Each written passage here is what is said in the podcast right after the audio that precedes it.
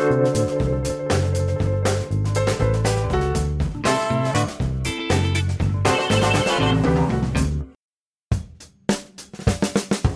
Dobry wieczór, witamy Was serdecznie w kolejnym odcinku podcastu ZVZ. To jest odcinek numer 131. Ja jestem Paweł, po drugiej stronie jest Kasia i to jest wyjątkowy odcinek, dlatego że czekaliśmy na niego od 10 lat. Tak. Jak nawet nie wiedzieliśmy jeszcze, że będziemy mieli podcast. W dzisiejszym odcinku omówimy sobie film Avengers Endgame, czyli po polsku Avengers 4, Wojna Nieskończoności 2, Wojna jest jeszcze bardziej nieskończona, koniec wojny.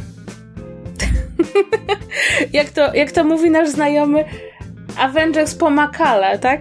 Po Makale to jest oficjalny tytuł. Mm. Nie, nie, to nie jest oficjalny, jest oficjalny oficjalny tytuł? gry, tytuł jest nazywa się Koniec gry. A, koniec gry. Myślałem, strzelałbym, że gra końcowa, ale... Ja, ja nadal uważam, że ostatnie rozdanie brzmiałoby dobrze jako mm, tłumaczenie tytułu, ale tłumaczono mi, że to ma za dużo literek, więc... Tak, w ogóle z tymi literkami. Kamienie, tam Wojna Nieskończoności też była za długa i wyszło co? Co tam było nieskończona, niekończona się? Jaki był poprzedni? Nieważne. Wojna o kamienie.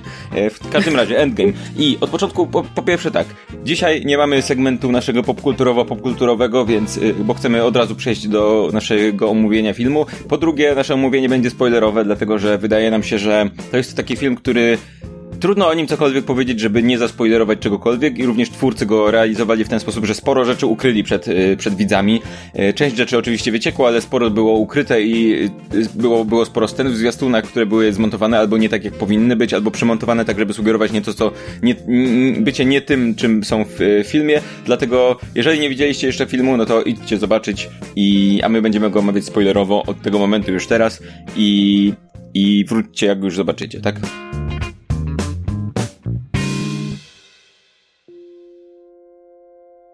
Dobra, to pytanie do ciebie. Jak ci się podobało? Ja przede wszystkim chciałam powiedzieć, że mi się sam seans mi się bardzo, bardzo podobał. Świetnie się bawiłam w kinie, klaskałam, e, śmiałam się bardzo wiele razy, nie płakałam, ale czułam taką gulę w gardle i naprawdę się świetnie bawiłam w kinie, ale jednocześnie mam takie poczucie, że być może to wyjdzie w czasie naszej rozmowy, że to nie jest film idealny, ale moim zdaniem spełnia idealnie swoje zadanie. To znaczy, e, dla mnie to jest taki film, który zrobiono dlatego, żeby wywołać jakąś całą masę emocji wśród widzów, którzy zdają sobie sprawę, że to nie jest tylko kolejna produkcja, ale też koniec pewnej ery. I jako taki film moim zdaniem fajnie spełnia swoją rolę.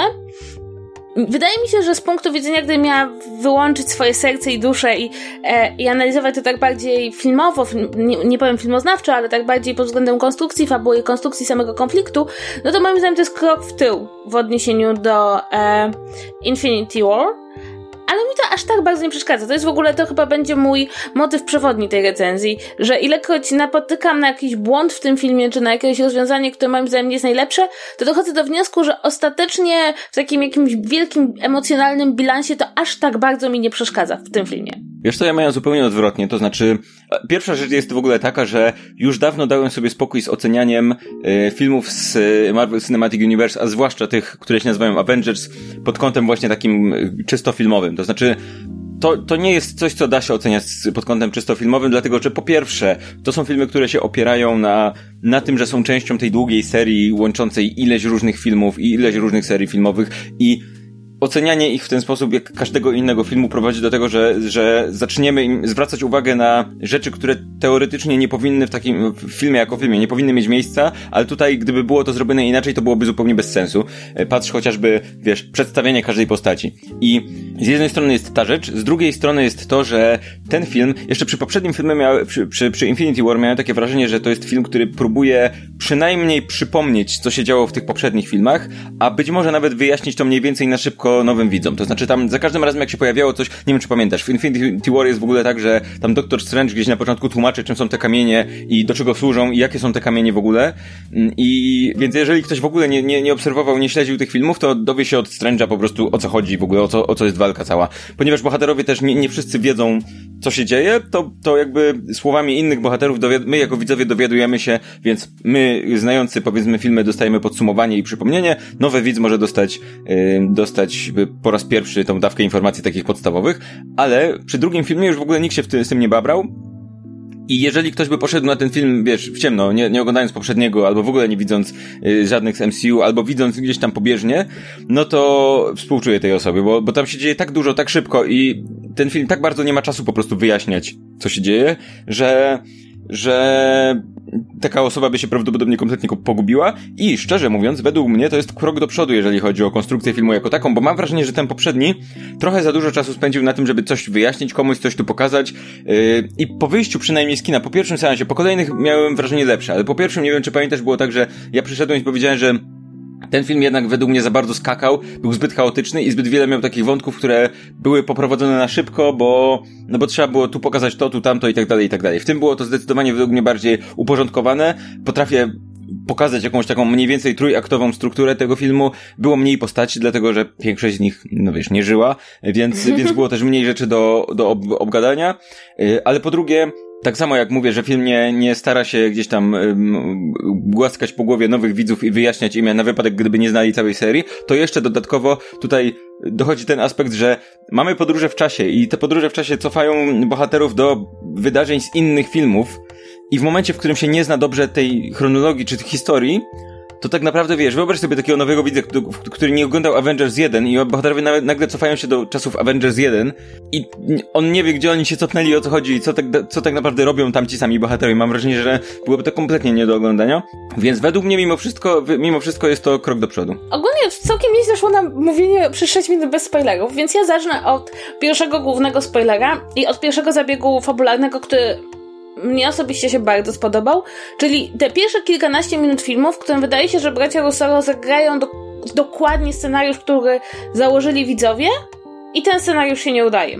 I muszę powiedzieć, że ten, ten, te, pierwsze kwadrans filmu, gdzie potem pojawia się ta tablica 5 lat później, no to moim zdaniem było naprawdę dobre. To znaczy ja przyznam szczerze, że e, w tym momencie poczułam, e, kiedy jakby to się nie udało, kiedy to zabija Thanosa i, i, i to jakby nic nie zmienia, to poczułam w tym momencie, że okej, okay, wszystko jest możliwe i, i to wzbudziło mój olbrzymi entuzjazm i uważam, że to było bardzo inteligentne zagranie. Ja tutaj miałem tego, ten mini spoiler polegający na tym, że Oskar Rogowski yy, przewidział to chyba praktycznie jeden do jeden, że tak się stanie, yy, że, że, że, Thanos, yy, że Thanos nie będzie tutaj głównym przeciwnikiem, że jakby misja z Thanosem to będzie pierwsze kilkanaście minut filmu, a potem y, będzie się działo coś zupełnie innego. Więc to trochę było tak, że jak oni tak bardzo szybko ruszyli, to miałem takie, okej, okay, chyba jednak się okazało, że Oscar ma rację. Oscar to chyba wyciągnął na bazie jakichś zdjęć Thanosa, gdzie było widać, że on jest jakoś pokiereszowany i nie wiem, nie, nie pamiętam dokładnie, ale wydaje, trzeba by sprawdzić y, któryś z odcinków napisów końcowych, gdzie chłopaki o tym rozmawiali, ale jakby dostałem troszkę powiedzmy taki, no nie spoiler, ale widziałem teorię, czy słyszałem teorię, która zakładała dokładnie to, nie? Yy, tak. Więc, ale faktycznie, konstrukcja filmu jest dość nietypowa i też yy, mam wrażenie, że dość istotnie wpływa na to, w jaki sposób zostaje odebrany ten świat, dlatego że nagle mamy przesunięcie czasu o 5 lat do przodu, czyli zastanawiam się w ogóle, czy ty znasz chronologię, czy teraz Avengers dzieją się w przyszłości względem naszej linii czasowej, czy... czy... Znaczy, bo one się rzeczywiście działy dokładnie równo, równolegle z naszą linią czasową. A potem się gdzieś coś zaczęło, zaczęło rozjeżdżać, nie? Był taki moment tam przy tak, Spider-Manie. ale wiesz co, trzeba byłoby zobaczyć, ponieważ te wszystkie momenty w historii, do której oni wracają, są jakby, trzeba byłoby porównać, czy rzeczywiście Avengersi byli w 2012 2012 roku? Bo jeśli tak, no to w tym momencie mamy rozjechanie się z naszą linią czasową o 5 lat, co nie ma w ogóle żadnego znaczenia, bo, bo oni tam rzeczywiście nie bardzo pilnują tych. No, tych Avengers lat, 1 tak wyszło w 2012 roku. Czyli innymi słowy, oni się przesunęli. No bo tak, tak by z tego wynikało. Tak by z tego wynikało, ale a propos tego, jesteśmy, mamy podróże w czasie w tym filmie i są to podróże w czasie, które yy, bardzo doceniam mechanikę tych podróży w czasie. Doceniałem ją już przy Warcraftie, tylko nie przy filmie, tylko przy grze, czyli to, że nie ma czasowych. Nie ma tego, że zmieniając przeszłość zmieniamy naszą współczesność, dlatego że to jest rzecz, która jasne, powstała rzesza filmów, kultowych filmów, fantastycznych filmów, jak Powrót do przyszłości, czy coś takiego, które są oparte na, na tym, tej mechanice to nigdy tak naprawdę nie ma sensu, bo e, zawsze w takich filmach, w których zmienianie przyszłości zmienia również teraźniejszość, e, to jest tak, że tylko niektóre wydarzenia są, się zmieniają, a inne nie. Poza tym dochodzi do tego takiego odwiecznego paradoksu e, pod tytułem tak czy siak nie da się zmienić przeszłości, dlatego że gdyby się zmieniła przeszłość, to nie wyruszylibyśmy w czasie, żeby zmienić przeszłość. Więc niezależnie co zrobimy, to zawsze powinniśmy dostawać ten sam, tą samą współczesność, bo ona już powinna być wynikiem tej samej przeszłości, skoro jest tylko jedna linia czasowa. Mam nadzieję, że to jest zrozumiałe w miarę. A tutaj mamy tą taką opcję, że mm, są światy równoległe, więc zmiana, jakaś, jakaś zmiana w przeszłości zmienia, tworzy jakby nowy świat równoległy, jakby ciąg dalszy, ale powrót do naszej teraźniejszości jakby nie ma żadnego znaczenia, czyli można zabrać kamienie z przeszłości i i przy, przy, przynieść je, przenieść je do współczesności, wykorzystać, a i tylko się tamte y, alternatywne linie czasowe skazuje na zagładę, o ile się nie odda tych kamieni, tak jak bohaterowie zrobili ostatecznie. E, więc e, spoko, jak ci się podoba ten pomysł, koncept podróży w czasie i w ogóle to, w jaki sposób one zostały wykorzystane? Nie da się bardzo dobrze zrealizować podróży w czasie i podoba mi się to, że tutaj te podróże, podróżowanie w czasie jest konieczne, bo inaczej nie da się jakby odwrócić spraw ostatecznych, ale jednocześnie nie stanowi takiego centralnego punktu w całej narracji, który ma mnożyć problemy, wręcz przeciwnie, jest stosunkowo proste, kiedy się już je opanuje właśnie na tych zasadach, które tutaj zaproponowano. E, ja miałam takie na zasadzie, to nie jest film o podróżach w czasie, to jest film, w którym są podróże w czasie i wydaje mi się, że to jest duże, duże rozróżnienie.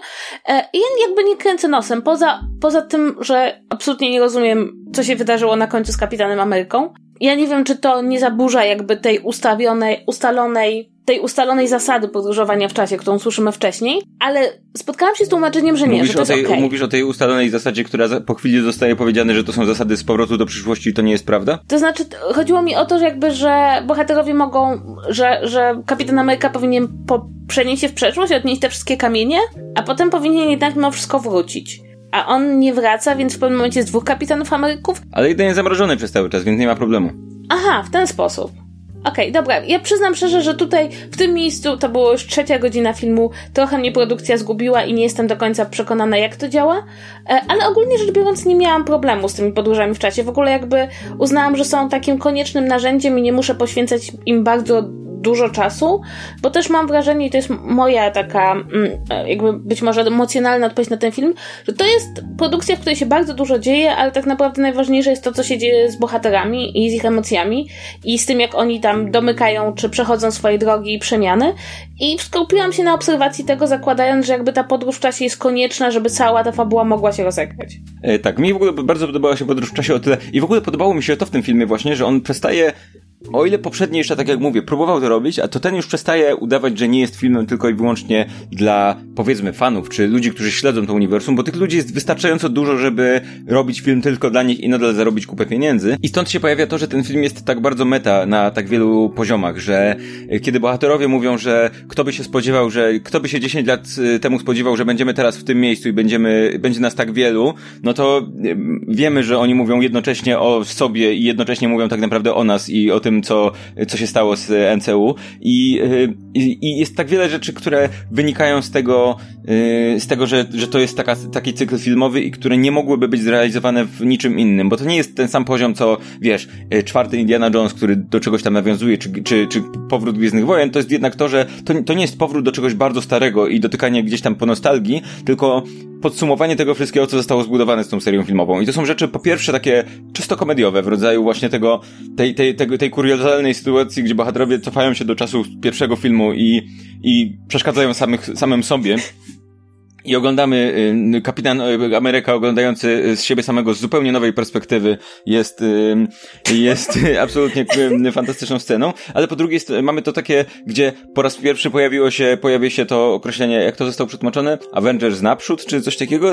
O, tak, ten tak. słynny okrzyk z komiksów, na który wszyscy czekali. Najpierw wszyscy, wszyscy się spodziewali, że on się pojawi w Avengers pierwszym, potem wszyscy się spodziewali, że może w drugim Avengers się pojawi. Jak w drugim się nie pojawił, to już wszyscy mówili, dobra, najwięcej co dostaliśmy to było kapitan mówiący Avengers, zostawiający wielokropek i napisy końcowe się pojawiały w tym momencie. I po 10 latach tak naprawdę ja się szczerze mówiąc nie spodziewałem, żeby ten okrzyk, czy to, czy to zawołanie um, było, że, że możliwe jest, żeby ono zostało zrealizowane w ten sposób, że wiesz, pój pójdą ci te ciary i tak dalej. Miałem, miałem wrażenie, że to jest już na tyle długo czekania i że, że, że wyjdzie komicznie. Tymczasem okazało się, że film to absolutnie zrealizował perfekcyjnie i ta wiesz, ta cichnąca muzyka sekundę przed po prostu wiesz, y, absolutnie ciary i, i wszystko super. Więc... Ale w ogóle muszę powiedzieć, że ten film, e, właśnie a propos kręcenia dla fanów serii, to dla mnie ten film robił rzecz absolutnie cudowną. To znaczy, chociażby mój ulubiony moment całego, całego sensu, czyli kiedy Kapitan Ameryka przywołuje młot Tora. Mhm. I to jest emocje, które wtedy poczułam, opierają się o tą jedną małą scenę z chyba drugich Avengersów, kiedy oni wszyscy próbują podnieść ten młot i i młot drga odrobinę, kiedy dotyka go kapitan mm. Ameryka. I jeśli się było uważnym widzem i wtedy się myślało, hmm, kapitan pewnie mógłby przywołać młot, ale tego nie robi, żeby nie było Torowi przykro. I potem jest ten moment, kiedy on przywołuje ten młot i Thor jest taki szczęśliwy, że on wiedział, przeczuwał, że e, kapitan jest godzien. I w ogóle sam kapitan bijący się tym młotem, to jest po prostu super. To, to jest jakieś takie poczucie, że z jednej strony cieszysz się, bo to jest fajna scena, a z drugiej strony cieszysz się, bo ktoś dał ci w końcu tą odpowiedź na scenę, która była 5 lat wcześniej. A trzecia rzecz jest taka, że się cieszysz, bo zdajesz sobie sprawę, że jednak mimo wszystko jesteś z tymi bohaterami przez te tyle lat, kiedy oni jakby stawali się kimś zupełnie innym niż byli na początku. I to jest jednak, e, to tak jak trochę z tym Avengers Ensemble. Wydaje ci się, że nie będzie, że nie ma takiej możliwości, że po tylu latach czekania i takiego przekomarzania się z widzami, to naprawdę na ciebie zadziałało, a potem to widzisz i się orientujesz, że nie, że to absolutnie działa i, i te emocje są, bo ten film rzeczywiście, moim zdaniem, super budzi emocje. I, mm, i okej, okay, ale zaczęliśmy mówić troszkę o drogach, które przechodzą postaci, bo mamy Kapitana Amerykę i tutaj y, po raz kolejny wyobraź sobie zupełnie nowego widza, który, nie wiem, na przykład nie ma kontekstu młotu Tora, nie, nie zna go z popultury, więc nie wie, że tylko Thor może podnieść młot i nagle i, i, nie rozumie kompletnie, co się zdarzyło w tej scenie, po prostu koleś podniósł młot, no zdarza się. Mm, ale mamy też inne postaci, mamy Tony'ego Starka przede wszystkim, którego, który jest y, ofiarą, y, najważniejszą powiedzmy ofiarą, jeżeli chodzi o ten film, dostaje zdecydowanie bardziej wypasiony pogrzeb niż Czarna Wdowa, która również ginie w bohaterski sposób, ale widocznie była mniej, mniej istotna dla pozostałych. To przykre. E, I, I jak tutaj podoba Ci się zamknięcie tego wątku? Bo ja mam wrażenie, że Tony dostał jakby mm, mam wrażenie, że najbardziej kompletny wątek, jeżeli chodzi o wszystkie, wszystkie postacie w tych wszystkich filmach. To znaczy to, jaką dro on drogę przeszedł od pierwszego filmu do zamknięcia całości i do tego, że e, do, do tej relacji z Turką i do tego, jaką postacią stał się ostatecznie, to jest jak dla mnie jakby najbardziej zamknięty wątek. Gdyby ta postać przeżyła, to jasne, byłoby miło, fajnie jakby Tony przeżył, ale to jest postać, która jakby już w swoim życiu mogła tylko pójść na emeryturę albo bohatersko zginąć, przy tym bohaterska śmierć była postawieniem tej, tej kropki na końcu zdania i, i wydaje mi się, że jakby najlepszym rozwiązaniem tej, tej sytuacji, nie? Muszę powiedzieć, że ja napisałam jedno zdanie w którymś z licznych spoilerowych wątków o tym filmie, e, które moim zdaniem moim własnym osobistym jestem nim zachwycona, ponieważ ja tutaj mam takie, mam wrażenie, że ten film idealnie domyka dwa wątki. To, że Tony Stark przez te wszystkie filmy uczy się w końcu ostatecznie robić coś nie dla siebie, zupełnie nie dla siebie. E, I to jego poświęcenie, to jego heroiczne poświęcenie bez krzty egoizmu jest no niesamowitym dopełnieniem tego wątku. I zresztą powiem szczerze, że jest dla mnie tak wzruszający ten moment, kiedy Tony Stark widzi Petera Parkera przywróconego do życia, jego przytula. I właśnie to, jak bardzo ta postać się zmieniła, jak bardzo stała się odpowiedzialna, jak, jak w ogóle jej priorytety się zmieniły, jest niesamowite. I, i rzeczywiście uważam, że to jest absolutnie piękne tąpnięcie tej postaci. I też mam wrażenie, oglądając ten film, że w końcu po kilku filmach, w których Robert Downey Jr. tak trochę był Iron Manem takim fajnym i nie musiał właściwie bardzo pokazywać e, swoich możliwości aktorskich, tu po prostu zagrał to mistrzostko. A jednocześnie mam poczucie, że Kapitan Ameryka też ma świetne zakończenie, bo e, jakby Tematem przewodnim kapitana Ameryki jest to, że on jest zamknięty w pewien sposób w swojej roli, z której się nie umie wyrwać i cały czas chce być tym bohaterem dla innych, a nie umie być człowiekiem, który dba o samego siebie. E, I uważam, że to jest bardzo takie ciekawe pokazanie dwóch stron przemiany bohatera. Dla jednego bohatera przemianą będzie ten taki absolutny akt altruizmu, a dla drugiego tą, tym takim elementem przemiany będzie ten akt egoizmu. To zostanie z dziewczyną, którą się kocha, to porzucenie jakby e, tego heroicznego życia, które zostało w ogóle mu straszliwie poszatkowane e, i napełnione jakimś mnóstwem tragedii i traum i, i wrócenie i dopełnienie swojej historii, która została mu przerwana. I powiem szczerze, to mnie bardzo wzrusza właśnie to, że historie tych bohaterów zamykają się w tak różny sposób i tak właśnie pokazują, jak inaczej bohaterowie mogą się rozwijać, że jakby nie jest, nie jedyne, bo istnieje taka klasyczna droga tych bohaterów, że oni przechodzą do egoizmu, do poświęcenia, a tutaj mam wrażenie, że właśnie w przypadku Kapitana Ameryki, te, to, że on się decyduje na tą odrobinę egoizmu jest tak fenomenalnym domknięciem tego wątku. Więc e, ja przyznam szczerze, że moim zdaniem oba te zakończenia są fajne i fajnie ze sobą współgrają. To nie ma też zamknięcia tego wątku jakby całej relacji z ojcem i jakby on sam staje się ojcem też w tym filmie, więc mamy tutaj to, to wątek, który się tak naprawdę ciągnie od pierwszego Ironmana i przechodzi kompletnie w zasadzie 180 stopni um, zwrot y, w, i, i tutaj kończy się wątek relacji z ojcem wręcz do, dosłowną rozmową z nim dzięki podróżom w czasie i, i tym w jaki sposób ta relacja się zmienia i tak naprawdę w jaki sposób Tony z jednej strony uczy się czegoś od swojego ojca i przenosi to w jakiś sposób na i poprawia to w jakiś sposób i, i przenosi na swoją córkę, a po drugie w jaki sposób zaczyna rozumieć swojego ojca i w jaki sposób ostatecznie jakby się z nim godzi, nie? To też jest y, to też jest y, świetnie, świetny wątek, który zostaje kompletnie zamknięty i który jest takim ładnym story arkiem. Ale jest jeszcze jedna rzecz, która jest i tutaj wiem, że chyba się nie zgodzimy do końca, to znaczy yy, wątek Tora w tym filmie. Powiedz, co sądzisz, bo, bo ja byłem...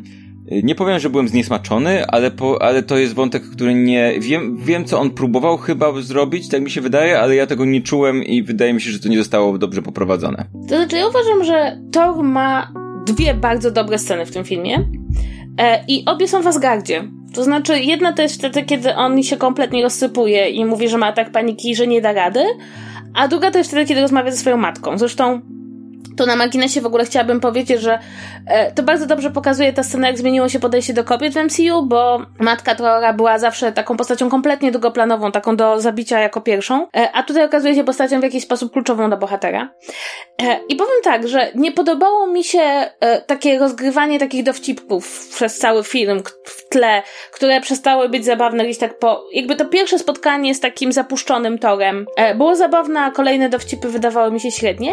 Natomiast Natomiast rzecz, która ludzi denerwuje, a która moim zdaniem jest fenomenalna, to jest wątek tego, że Thor się zapuścił, ponieważ e, po pierwsze, to jakby odnajduje w sobie siłę, żeby walczyć bez poprawienia kondycji fizycznej, co jest bardzo fajne, bo to było jakieś kompletnie magiczne. Mimo, że Torowi e, błyskawice potrafią magicznie zapleść brodę, to jednak to byłoby zbyt magiczne.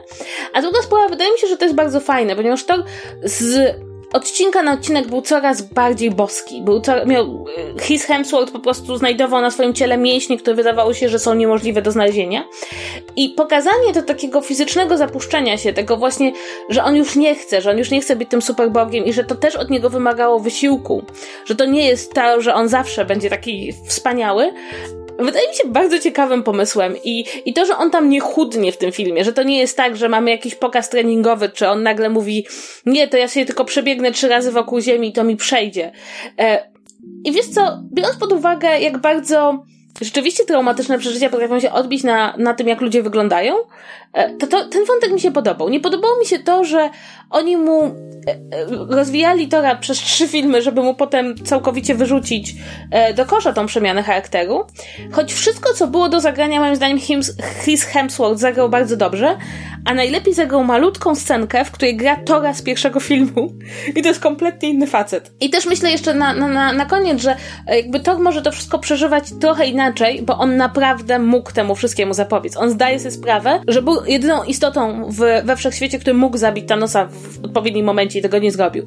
Wydaje mi się, że wszyscy inni tą przegraną chyba odczuwają odrobinę mniej osobiście, a przynajmniej mają poczucie, że przegrali z kimś mocniejszym od siebie, a wydaje mi się, że Thor ma poczucie, że popełnił błąd, a mógł wygrać. Wiesz co, y, rozumiem to wszystko, co mówisz, przy tym mi się wydaje, że, że według mnie po prostu zostało to rozegrane za bardzo na komediowo i, y, i moment, to znaczy tak, to, że Thor jako postać zapuścił się, jest załamany i tak dalej, i tak dalej, to było, dla mnie to było przykryte tym, że Thor wygląda teraz jak, jak Big Lebowski i i to jest śmieszne, chodzi w ciemnych okularach i ma długą brodę. Gdyby to było, gdyby on się zapuścił, ale nie tak bardzo dosłownie to pokazywać, że on jest teraz, ha, ma śmieszny brzuch i ma śmieszne długie, śmiesznie chodzi i się śmiesznie ubiera, tylko pokazać nam Thora, który jest zapuszczony, niekoniecznie pod takim, nie, nie, nie, niekoniecznie w taki komediowy sposób nagle, że o, masz teraz, patrz, Thor tylko gruby, ha, ha, ha, ha.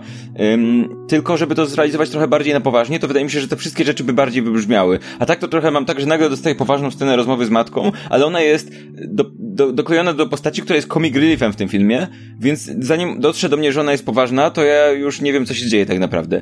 I, i według mnie jakby troszkę to, co, to wszystko, co mówisz, troszkę, troszkę zostało zmarnowane przez to, że to wszystko jest zrealizowane tak bardzo na komediowo i według mnie za bardzo na komediowo. Jasne, rozumiem wszystkie te rzeczy, ale bardzo bym, bardzo bym wolał tak naprawdę, gdyby on był zapuszczony, zapuszczony trochę bardziej na poważnie w cudzysłowie. E, bo, bo jakby cała reszta tego wątku, konstrukcja, okej, okay, tylko że jakby sama forma tego, w jaki sposób to zostało zrealizowane, jak jest to cały czas obiektem żartów i tak naprawdę naprawdę comic reliefem, sprawia, że, że to wszystko, co, co można by poważnego wyciągnąć z tego wątku, się znika i to dla mnie się staje, po tych wszystkich filmach i całym rozwoju się, głównie staje się dla mnie comic reliefem, bo te wszystkie poważniejsze rzeczy są są jakby drugo, drugorzędne pod tym, że jest śmieszny i, i chodzi w ciemnych okularach, nie? Więc to trochę mnie zawiodło. Ale czy ja mogę coś zwrócić uwagę, bo ja mam bardzo podobne uwagi odnośnie Hulka w tym filmie. Bo jakby tutaj oni zdecydowali się na tą taką ostateczną ewolucję bohatera, prawda? Że nie mamy tutaj albo Bruce'a Bannera, albo, albo zielo wielkiego zielonego potwora, tylko że jakby te dwie postacie stają się jedną. Tylko, że problem polega na tym, że mam wrażenie, że gdzieś w trakcie tego eksperymentowania z falami gamma zmienili bohaterowi charakter. To znaczy, e, on jest absolutnie totalnie wyluzowany, a jednak Banner nie był taką postacią. To znaczy, e, ja w ogóle uważam, że to jest straszliwe marnotrawienie aktora, bo jednak mimo wszystko Mark Ruffalo jest fenomenalnym aktorem dramatycznym, który potrafi pokazać niesamowitą skalę emocji. I tutaj mam wrażenie, że właśnie zbyt często Hulk był takim comic reliefem, takim wyluzowanym gościem, e, taką postacią, która jakby wydawała się nie czuć wszystkich tych emocji, które czuła wcześniej i mogłaby nam pokazać. E, I, I, miałam tutaj takie poczucie, że jakby, że on się, że oni zmieniając to, jak jest pokazywany na ekranie, e, trochę chyba zgubili, e, zgubili charakter tej postaci.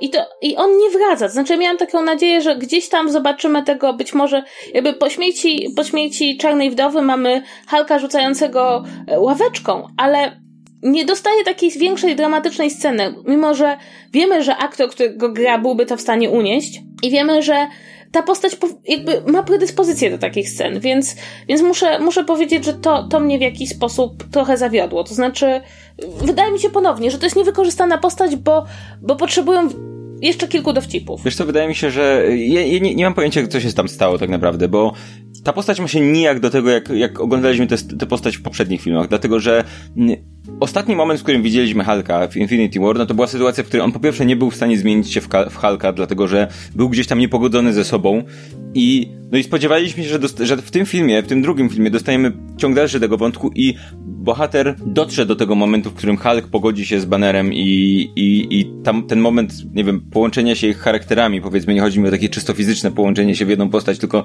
tylko charakterów i gdzieś tam znalezienie tego yin-yang, zgodności, czy jakkolwiek to, to nazwiesz, to będzie wątek w tym filmie. Tymczasem okazało się, że to po pierwsze się zdarzyło gdzieś w międzyczasie, gdzieś po drodze, a po drugie wszystkie te wątki dramatyczne wokół tej postaci gdzieś zniknęły tak naprawdę i no i teraz mam gościa, który po prostu no jest trochę jak Banner, ale trochę też jak Hulk i tak naprawdę nie jest ani jedną, ani drugą postacią, bo dostaliśmy postać, która jest gdzieś pomiędzy i ani nie jest agresywny i dziki i prosty jak Hulk, ani nie jest, tak do końca nie jest Bannerem, bo, te, bo też nie zachowuje się jak Banner, tylko większy zielony, tylko gdzieś jest czymś pomiędzy i i nie wiem, ta postać się gdzieś pogubiła. Zresztą trochę podobną mam uwagę do, yy, może nie w kwestii pogubienia się postaci, ale w kwestii tego, co zostało z nią zrobione w, yy, do Hawkeye'a i tego, że mamy tutaj mocne, takie dość długie wprowadzenie dotyczące, zresztą pierwsze sceny filmu również, dotyczące tego, że Hawkeye stracił całą rodzinę podczas stryknięcia palcami e, Thanosa, mm, po czym ruszył w jakąś, y, w jakąś brutalną zemstę na, na, nie, na przypadkowych ludziach, to znaczy nie przypadkowych ludziach, ale na jakichś mafiozach gdzieś tam w, na całym świecie, których goni i morduje, dlatego, że nie ma się na kim mścić mm, i, i dowiadujemy się, dostajemy ten taki wątek, że to, to znowu on, że on się teraz mści, że, że odbiło mu kompletnie, że morduje w ogóle jakichś ludzi, którzy wprawdzie nie są dobrzy, no ale trochę głupio ich mordować tak, tak po prostu agresywnie. Po czym e, przy, potem ściągają go i mówią, hej, ty, słuchaj, jest taka sprawa, że mamy tutaj pomysł na to, żeby powrócić tych wszystkich ludzi. I co ty teraz na to? Na co on się zmienia po prostu z powrotem Hawkeye'a, tylko tym razem z mieczem i inną fryzurą i potem jakby wątek zostaje porzucony. Nie mamy, nie dostajemy tak naprawdę jakiegoś podsumowania tego, dlaczego on tak robił, czy ta zemsta krwawa na, tak naprawdę nie, nie na osobach, które są winne jego tragedii, czy ta zemsta prowadziła do czegokolwiek, czy, czy, czy on, nie wiem, czuł jakąś satysfakcję, czy może, jakby nic, nie, wątek zostaje niemalże porzucony i tak naprawdę poza tym, że, y, że Hawkeye dostaje, czy teraz jak się nazywa, Ronin dostaje nową y, fryzurę i katanę, to to nie, nie, wynika nic dla tej postaci i, nie wiem, miał pretekst, żeby się fajnie przebrać, czy coś takiego. To ja mam wrażenie, że w ogóle problemem tego filmu, i to będzie no jakby jest problemem wszystkich Avengersów, a tych już chyba najbardziej jest to, że jest bardzo dużo relacji między bohaterami, bardzo dużo się dzieje w życiu bohaterów, ale film trwa trzy godziny i tak jest bardzo długi, mimo że tego wszystkiego nie ma.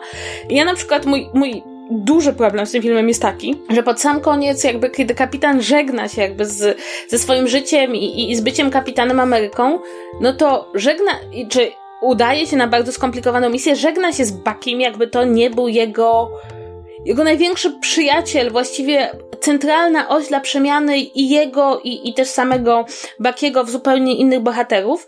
I widzisz po prostu, że twórcy musieli w jakiś sposób porzucić relacje między te, tą dwójką bohaterów, bo było tam bardzo dużo innych postaci, a jednocześnie w sytuacji, w której niektóre wątki mają się kończyć ostatecznie, to ma, ma się takie poczucie, że kurczę, nie no, ale to należałoby domknąć, prawda? Bo, bo widzowie i, i fani zainwestowali emocje w, powiedzmy, chociażby relację Bakiego z, e, z kapitanem. I z tym, z tym miałam problem.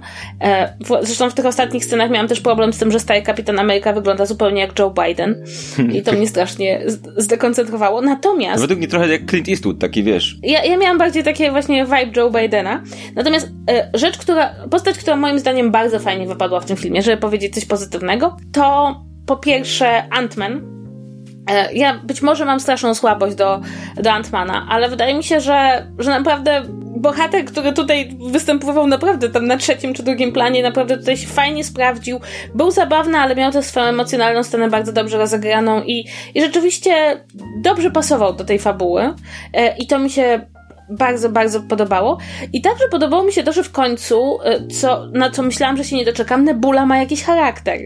Jakby była to postać, która od trzech filmów chodzi i się wścieka i robi jedną minę. E, już byłam nią dosyć zmęczona, a tu nagle się okazało, że ma charakter i, i gdzieś tam spod tych mas makijażu Karen Gillian jest, jest w stanie pokazać jakieś emocje tej postaci. Ciekawe, więc, bo ja w ogóle nie ten... odczułem, że ma, że ma inny charakter niż w ostatnich filmach. Nie, nie że inny, tylko że w ogóle ma jakikolwiek. No to ja, jakby, ja, ja odczułem ten charakter też w poprzednich, to znaczy mam wrażenie, że Aha. o ile w pierwszym nie miała charakteru, w pierwszych e, Strażnikach Galaktyki, no to to już jest jakby, to jest akurat ten plus drugich Strażników Galaktyki, jeden z niewielu, że, że tam ono, dostaliśmy jej motywacje inne niż jestem wściekłą złą siostrą i cię nienawidzę, tylko jakby z czego to wynika i, i co może z tym dalej być. No ja miałam, I tutaj miałam jakby takie dostałem ciąg dalszy tego. Tak, natomiast e, właśnie, a propos postaci, bo tutaj jest ta wielka dyskusja. Co sądzisz o obecności e, Captain Marvel w tym filmie? E, spoko. Przy tym, to jest tak, jest kilka rzeczy, które ja, ja muszę przymknąć oko na nie i trochę zaakceptować, że wiesz, że trochę inaczej jest. To znaczy, że, że wiesz, że, że tak to jest skonstruowane i muszę zaakceptować, że to tak jest.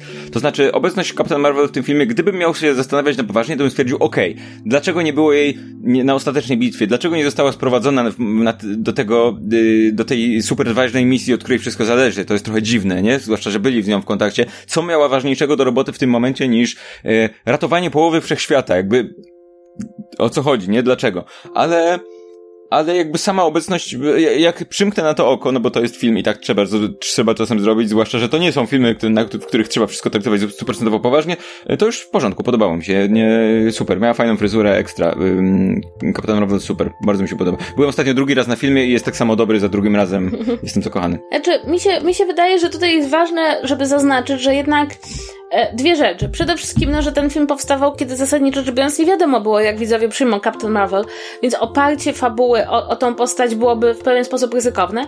Ale też druga sprawa, niezależnie od tego, jak mocna jest to postać, jak bardzo ją teraz kochamy i jak bardzo chcielibyśmy jej widzieć więcej na ekranie, to powiem szczerze, że to nie jest do końca jej historia.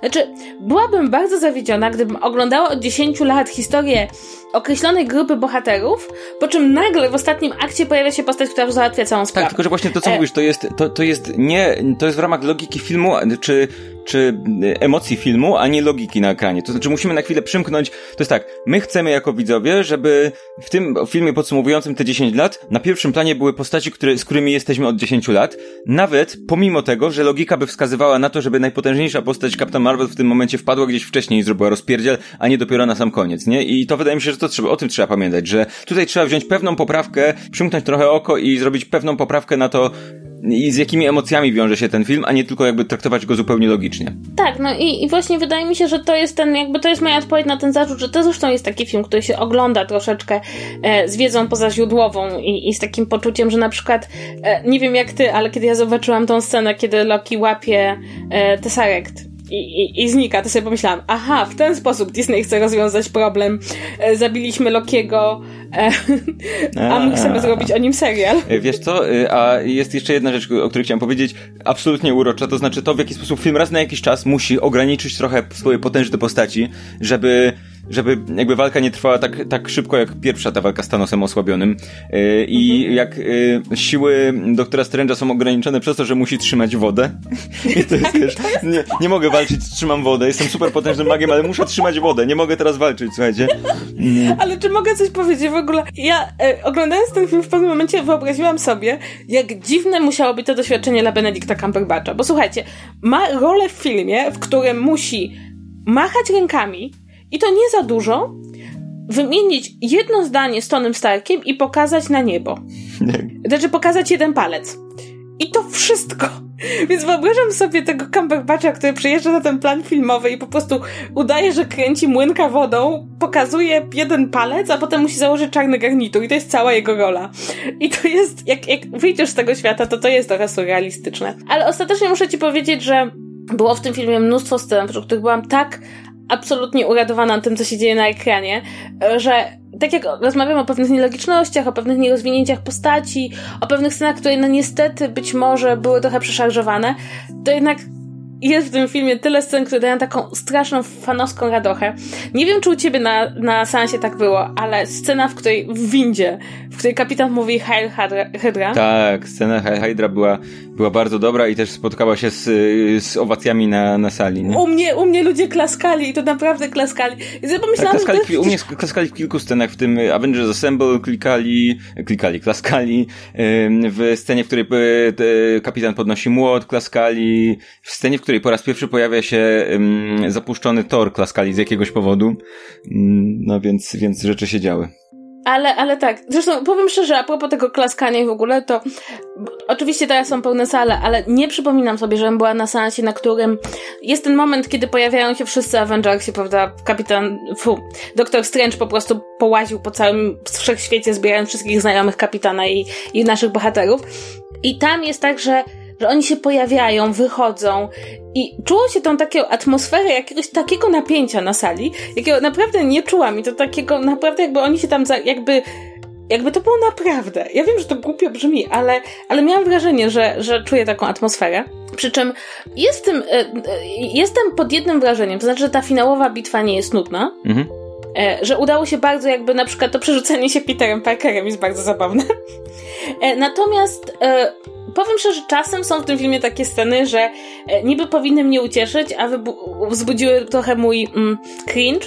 I taką sceną jest to zebranie wszystkich kobiecych bohaterek w jednej tak, scenie. Tak, miałem takie, wiesz co, to wydaje mi się, że to było troszkę takie meta w rodzaju, że, że, to, że to była troszkę próba pokazania, że hej, zobaczcie ile tak naprawdę wprowadziliśmy do bohaterek. Wiemy, że Captain Marvel to był pierwszy film z bohaterką, ale i trochę nam głupio, więc pokażemy wam teraz na ekranie ile tych bohaterek tak naprawdę wprowadziliśmy. I, i miałem tutaj, nie powiedziałbym, że to był taki czysty cringe, ale miałem tu mimo wszystko mieszane uczucia, bo miałem takie, okej, okay, fajnie, że te bohaterki są, ale to, że w tej scenie tak wyraźnie pokazuje się, zobaczcie, one są, sprawiło, że mam takie okej, okay, no ale to, to by trochę działało lepiej, gdybym, gdybym nie, dosta, nie dostał tego tak bardzo w ryj, nie? I, I miałem jednak takie lekkie... Tak, ja miałam takie poczucie takiego klepania się po plecach producentów. Ej, słuchajcie, zobaczcie, te dziewczyny tutaj są i, i ich jest tak dużo, one są takie mocne i tak miałam, naprawdę miałam taką to była taka typowa scena, która wychodziła jakby z tej narracji i pokazywała nam y, jakby takie spojrzenie właśnie na zasadzie, zobaczcie, zrobiliśmy przez 10 lat i spokojnie moglibyśmy przeżyć bez tej sceny sceny. Już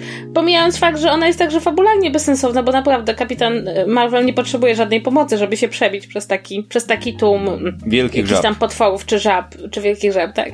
Więc, e, więc to tak wygląda. Przy czym muszę, muszę ci powiedzieć, że jak się ten film skończył swoim milionem zakończeń związanym z, który przypomniał mi po prostu zupełnie Powrót tego, Króla? Pod, powrót Króla, to, to Tak, miał, miałem trochę vibe Powrotu Króla, jak już pod koniec było takie, okej, okay, dobra, ten film skończył się i już tak się bardzo długo się podsumowuje i to faktycznie, a jednocześnie cały czas mam to poczucie, że nie wszystko zostało do końca podsumowane i tak jak zasługiwało, nie? Więc to, to jest faktycznie problem posiadania tylu bohaterów.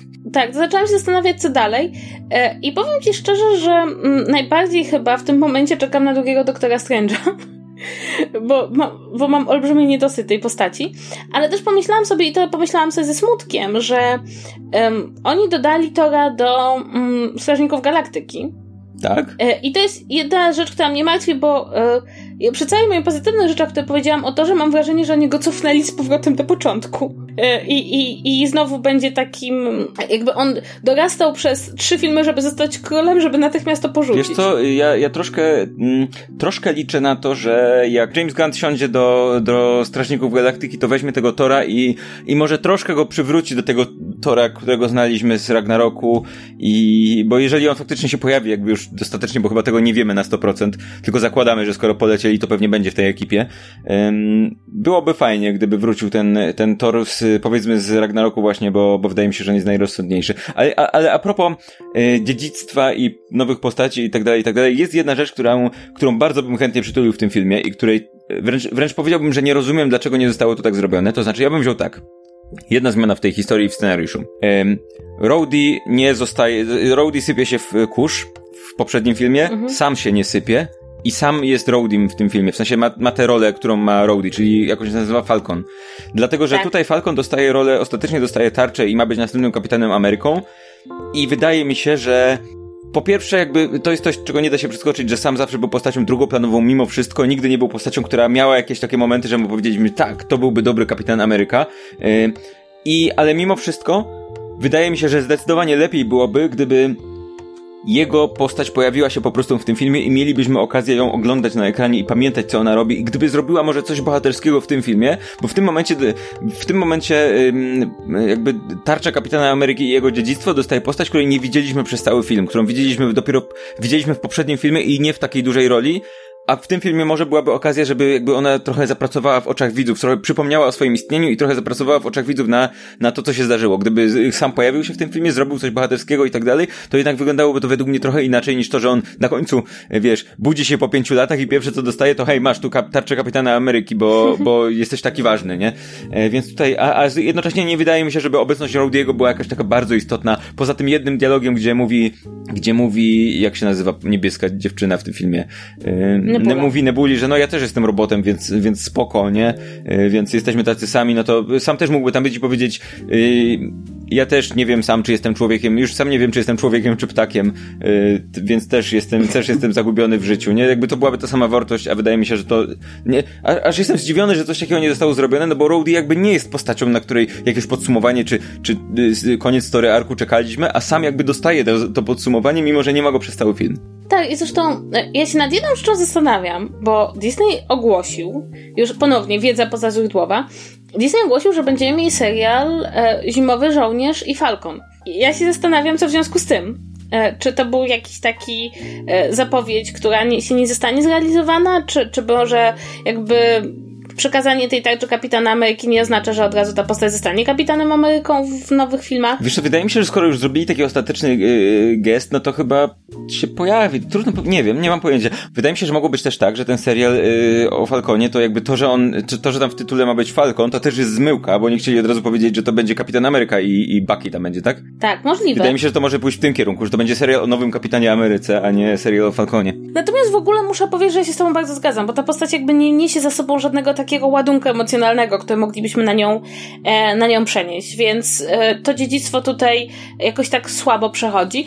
Ale mam wrażenie, że to się da naprawić, wiesz, no, planowanych filmów jest pewnie bardzo dużo. Ja zresztą podejrzewam, że zanim dostaniemy kolejny film, w którym pojawi się Kapitan Ameryka, czy kolejny film, w którym pojawi się Iron Man, to trochę lat minie, prawda? Bo gdyby nagle się okazało, że mm, to następstwo jest takie szybkie, jak zwykle bywa w komiksach, e, to mogłoby się, to myślę, że widzowie nie przyjęliby tego nie przyjęliby tego jakoś bardzo, bardzo dobrze. E, a propos różnych takich drobnych rzeczy rozsianych po, po filmie, to ktoś mi powiedział, że e, rolę córki Antmana gra dziewczyna, która grała główną rolę w 13 powodów. I to sprawiło, że ja się zaczęłam zastanawiać, czy być może dla niej nie jest szykowana jakaś przyszłość w MCU, no bo jednak nie zatrudnia się tak znanej i popularnej aktorki, żeby się pojawiła dosłownie w dwóch scenach filmu. E, więc być może już dostajemy jakąś taką zapowiedź, że ta postać gdzieś w przyszłości coś odegra. Tak, tak się zastanawiam właśnie a propos, a propos dopasowania aktorów do wielkości ich ról. Mm, ciekaw jestem, co będzie, dlatego że zastanawiam się, bo zobacz, mamy Kapitana Amerykę, który dostał, powiedzmy, następcę jakiegoś, czy coś takiego. Yy, mamy, yy, z drugiej strony mamy Tony'ego Starka, który nie dostał tak wprost i zastanawiam się, czy będzie coś dalej z, z, z Iron Manem, czy jego, czy rolą jakby, którą, którą, tej postaci, którą ktoś inny gdzieś tam podejmie. Yy, mam nadzieję, że nie będzie do Gwyneth Paltrow, dlatego że niech ona nie zarabia pieniędzy, potem robi głupoty z nimi i, i źle. Yy, ale, ale ciekawe, no bo ja, ja cały czas, cały czas mieliśmy tą taką teorię jakiś czas temu, że Shuri będzie gdzieś tam się pojawi jako jako następczyni Toniego, jako wiesz, jest genialnym naukowcem, będą mieli się okazję spotkać w, w Infinity War. Nie spotkali się i teraz też w zasadzie nie, poza tym, że prawdopodobnie widzieli się, to, to nic się nie zmieniło, yy, więc to raczej odpada, byłoby dość, dość dziwne. Yy, ciekaw jestem. A właśnie, przepraszam, mam do Ciebie jedno pytanie, bo przyszło mi do głowy, bo to jest pytanie fabularne, które ja sobie zadaję. Czy to jest tak, że wszyscy koledzy e, Petera Parkera znikli razem z nim? Ponieważ on, minęło 5 lat, on wraca do szkoły, a tam są ci sami ludzie. Hmm. Jakby, to jest jedyny taki fabularny, czy, czy to znaczy, że wszystkie dzieciaki z tej szkoły zniknęły i... Wiesz co, nie wydaje mi się, że to były wszystkie dzieci, znaczy, przede wszystkim tak, yy bo ja to, ja to odebrałem tak, że tam jakaś grupa dzieciaków wraca, to niekoniecznie jakby wszyscy są, to jakby niekoniecznie wszyscy byli zniknięci, czy cokolwiek takiego, ale mhm. zastanawiam się, czy to było tak, że on i ten jego najlepszy kumpel po pierwsze, ten jego najlepszy kumpel by, by po pięciu latach powinien wyglądać już znacznie starzej, jeżeli on zniknął, a jeżeli nie zniknął, to dlaczego oni się tak witają czule? Bo przecież widzieli się jakby dopiero co ze, swojej własnej perspektywy minęło im to 5 lat, nie? No więc... właśnie, więc to jest, jed, to jest jedyny moment, w którym się zawiesiłem. Ale ja szczerze mówiąc nie zwróciłem na to w ogóle kompletnie uwagi.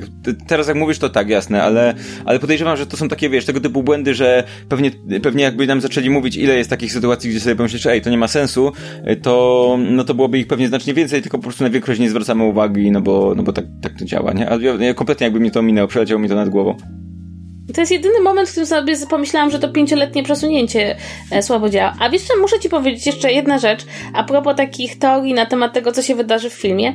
Ja byłam absolutnie przekonana, kiedy się okazało, że upłynęło te pięć lat, e, że film będzie szedł w taką stronę, że bohaterowie mogą poprawić przeszłość, e, ale w imię poprawienia tej przyszłości tracą tą teraźniejszość mm, tą, która upłynęła po pięciu latach i Tony Stark, który dorobił się córki, będzie miał opory, żeby cokolwiek zmieniać, bo bo straciłby wtedy jakby tą swoją rzeczywistość, którą sobie wypracował.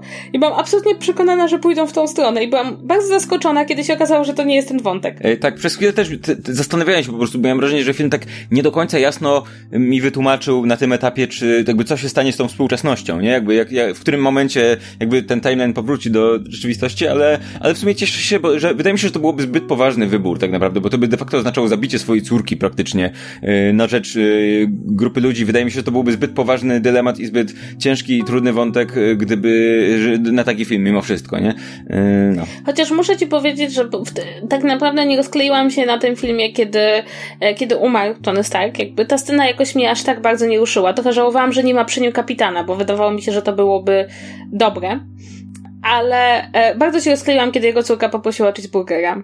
E, i, i, zdałam sobie jakby sprawę, że właśnie wtedy tak mnie uderzyło, że ja tutaj tak już siedzę od tych 10 lat, mhm. od czasu, kiedy Tony Stark sam poprosił o cheeseburgera, więc wydaje mi się, że to była bardzo dobrze napisana scena, to tak już na marginesie. Mhm. Mhm. E, tak, słuchaj, e, chyba mamy 50 minut na liczniku, chyba czas na podsumowanie tego podsumowania. Wiemy, że ten odcinek był chaotyczny, to znaczy nie mieliśmy żadnego planu, ani nie jest to żadna logiczna recenzja, tylko po prostu mówiliśmy rzeczy o filmie w losowy sposób. E, prawdopodobnie jest trochę rzeczy, które moglibyśmy omówić jeszcze w rodzaju tego, wiesz, e, kinematograficznie jak ten film działa, jakie są efekty specjalne, jaka jest muzyka i tak dalej, i tak dalej, ale wydaje mi się, że na tym etapie e, nie ma sensu tego podsumowywać, bo wszystko w MCU jest mniej więcej na tym samym poziomie. W sensie efekty specjalne są ok, muzyka jest ok, jakby to, to nie jest film, w którym gdzieś tam wyróżnia się jak bardzo na którymkolwiek z tych e, aspektów, chyba że gdzieś pojawia się, pojawia się rzecz w rodzaju Thor Ragnarok, który nagle jest na tyle inny, że warto tę rzecz podkreślić. Tutaj jest po prostu tak samo jak zwykle bywa, e, a wydaje mi się, że, że warto tutaj, ponieważ mamy podsumowanie tych 10 lat i podsumowanie trzech faz e, tego kinowego uniwersum, to warto było jednak skupić się na emocjach, postaciach i wątkach i tak dalej, i tak dalej, a nie na takich czysto technicznych rzeczach w filmie. I, i co? Chyba tyle od nas, tak? Tak, to wszystko i chyba ostatecznie, nie wiem jak ty, ale jeśli miałabym podsumować moją opinię po tym filmie, to powiedziałabym, że dał radę. To znaczy, jak na ten ciężar oczekiwań i ten ciężar tego, co jakby e, zaproponował nam w poprzedniej części, to dał radę skończyć to tak, że człowiek nie zrobił ani facepalmu, ani nie poczuł się oszukany. E, I to wcale nie jest moim zdaniem takie proste, bo takie zakończenia nie zawsze się udają. Wiesz co, ja uważam w ogóle, że super. To znaczy, o ile po poprzednim filmie miałem trochę uwag i wyszedłem z kina z takim okej, okay, to była prawda. Mia, ja pamiętam, że z tego co pamiętam w recenzji powiedziałem coś takiego, że to chyba była najlepsza forma yy, zrealizowania projektu, który był niemożliwy do zrealizowania w dobry sposób, w sensie tak, z tak dużą mm ilością postaci i tak dalej, i tak dalej. Tu nie miałem takiego wrażenia. Tu wyszedłem z kina w pełni usatysfakcjonowany, przy tym tak jak mówię, Marvel Cinematic Universe, a zwłaszcza filmy z serii Avengers, to już nie jest coś, co można ocenić jako film po prostu pod, pod, pod kątem kinematograficznym czy coś takiego. To, to, się, to się ocenia jak kolejne spotkanie ze, z ulubionymi postaciami, kolejny część, jako, kolejna część jakiejś tam historii. Nie ocenia się jej tak czysto technicznie, czy czysto jeżeli chodzi o poprawność filmu, tylko raczej pod kątem tego, jakie emocje wywołał i, i jak był poprowadzony, że tak powiem. I, i to jest coś yy, według mnie yy, bardzo nietypowego i mimo wszystko jakiś tam fenomen, bo mówię, no z reguły nie robi czegoś takiego, a tutaj jednak to jest film, który według mnie nie powinno się go oceniać jako filmu tak czysto, bo wyjdzie, wyjdzie coś zupełnie absurdalnego i nikt nie próbuje go realizować jako jak klasycznego filmu, bo to jest coś fenomenalnego pomiędzy filmem, serialem, a nie wiem czym, uniwersum po prostu. E, więc, więc ja byłem super usatysfakcjonowany i i było ekstra. A jeszcze dzień wcześniej byłem na Captain Marvel, dlatego że zabrałem mamę, która miała, była, e, ten, była, miała zaległości. Mamie się też bardzo podobał Captain Marvel. Ja się spodziewałem, że może za drugim razem nie będę tak, nie będzie mi się ten film aż tak bardzo podobał, bo go znałem. A to jest jed, tymczasem jeden z tych, e, nie tak wielu pozorom filmów w MCU, który po, przy drugim oglądaniu mi się podobał równie dobrze, albo nawet bardziej e, niż za pierwszym, więc, więc też spoko. Więc miałem takie kilka dni z bohaterami Marvela i, i fajnie. I teraz przede wszystkim czekam na to, co dalej, dlatego że yy, nie dostaliśmy tym razem razem sceny po napisach, co troszkę mnie zawiodło, szczerze mówiąc, bo trochę to było takie coś, że wiesz, mm, twórcy tego uniwersum nauczyli nas przez te 10 lat, że to jest taka nasza mała tradycja, że ci, ci którzy to śledzą, zostają po tych napisach i dostają coś na koniec, a tutaj nie dostaliśmy zupełnie nic i jasne, jakby nie spodziewałem się, że dostaniemy, nie wiem, scenę po napisach ze Spidermana czy coś takiego, tak jakby to był kolejny film serii, bo to jednak było pewne podsumowanie, ale gdyby się na końcu pojawili, nie wiem, pojawiła obsada po prostu stojąca na schodach i pomachała do nas w ramach ostatniej sceny przez sekundę, y, w ramach tego kropki za tym podsumowaniem, to już by było coś miłego. Gdyby się pojawił napis, że nas lubią 3000, to też byłbym usatysfakcjonowany, a jak nie pojawiło się zupełnie nic, to byłem troszkę zawiedziony, ale mimo to cieszy mnie to, że kompletnie nie mam pojęcia, co się dalej zdarzy. Jasne, mamy zapowiedzianego Spidermana, wiemy, że powstaną Strażnicy Galaktyki, ale dostaliśmy za zakończenie story arku, który trwał tak naprawdę od 10 lat i i teraz jakby cieszę się z, myśląc o tym, że kompletnie nie, spodziew- nie, nie, nie możemy się za bardzo spodziewać, yy, co się stanie w przyszłości z tą serią i, i po raz pierwszy od tak naprawdę dość dawna nie możemy się, yy, nie możemy się niczego, znaczy możemy się wszystkiego spodziewać, o, w ten sposób. Tak, tak i to wydaje mi się, że jest fantastyczne zakończenie, bo e, jak ponownie uwielbiam powtarzać to zdanie w kontekście tego filmu, coś się kończy, coś się zaczyna e, i zobaczymy, co się zacznie za kilka miesięcy w kinach. Tak samo kończy się ten odcinek nasz. Yy, nie zrobiliśmy segmentów w tym odcinku, nie wiem czy zauważyłaś, nagraliśmy go ciągiem po prostu kompletnie, więc nie wiem co, trzeba będzie inny montaż zrobić.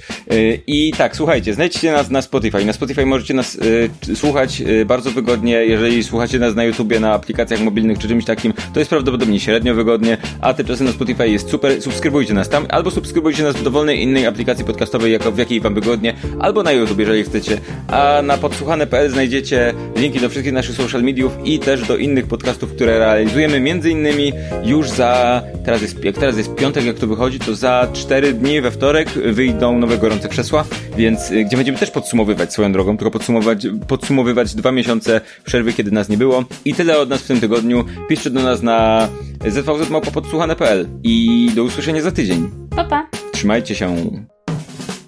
Cześć, z tej strony Łukasz. Jeśli chcecie posłuchać więcej podcastów, zapraszam na podsłuchane.pl, gdzie znajdziecie inne nasze produkcje, w tym podcast o komiksach Comics Weekly, gdzie sam się udzielam. Dzięki i do usłyszenia.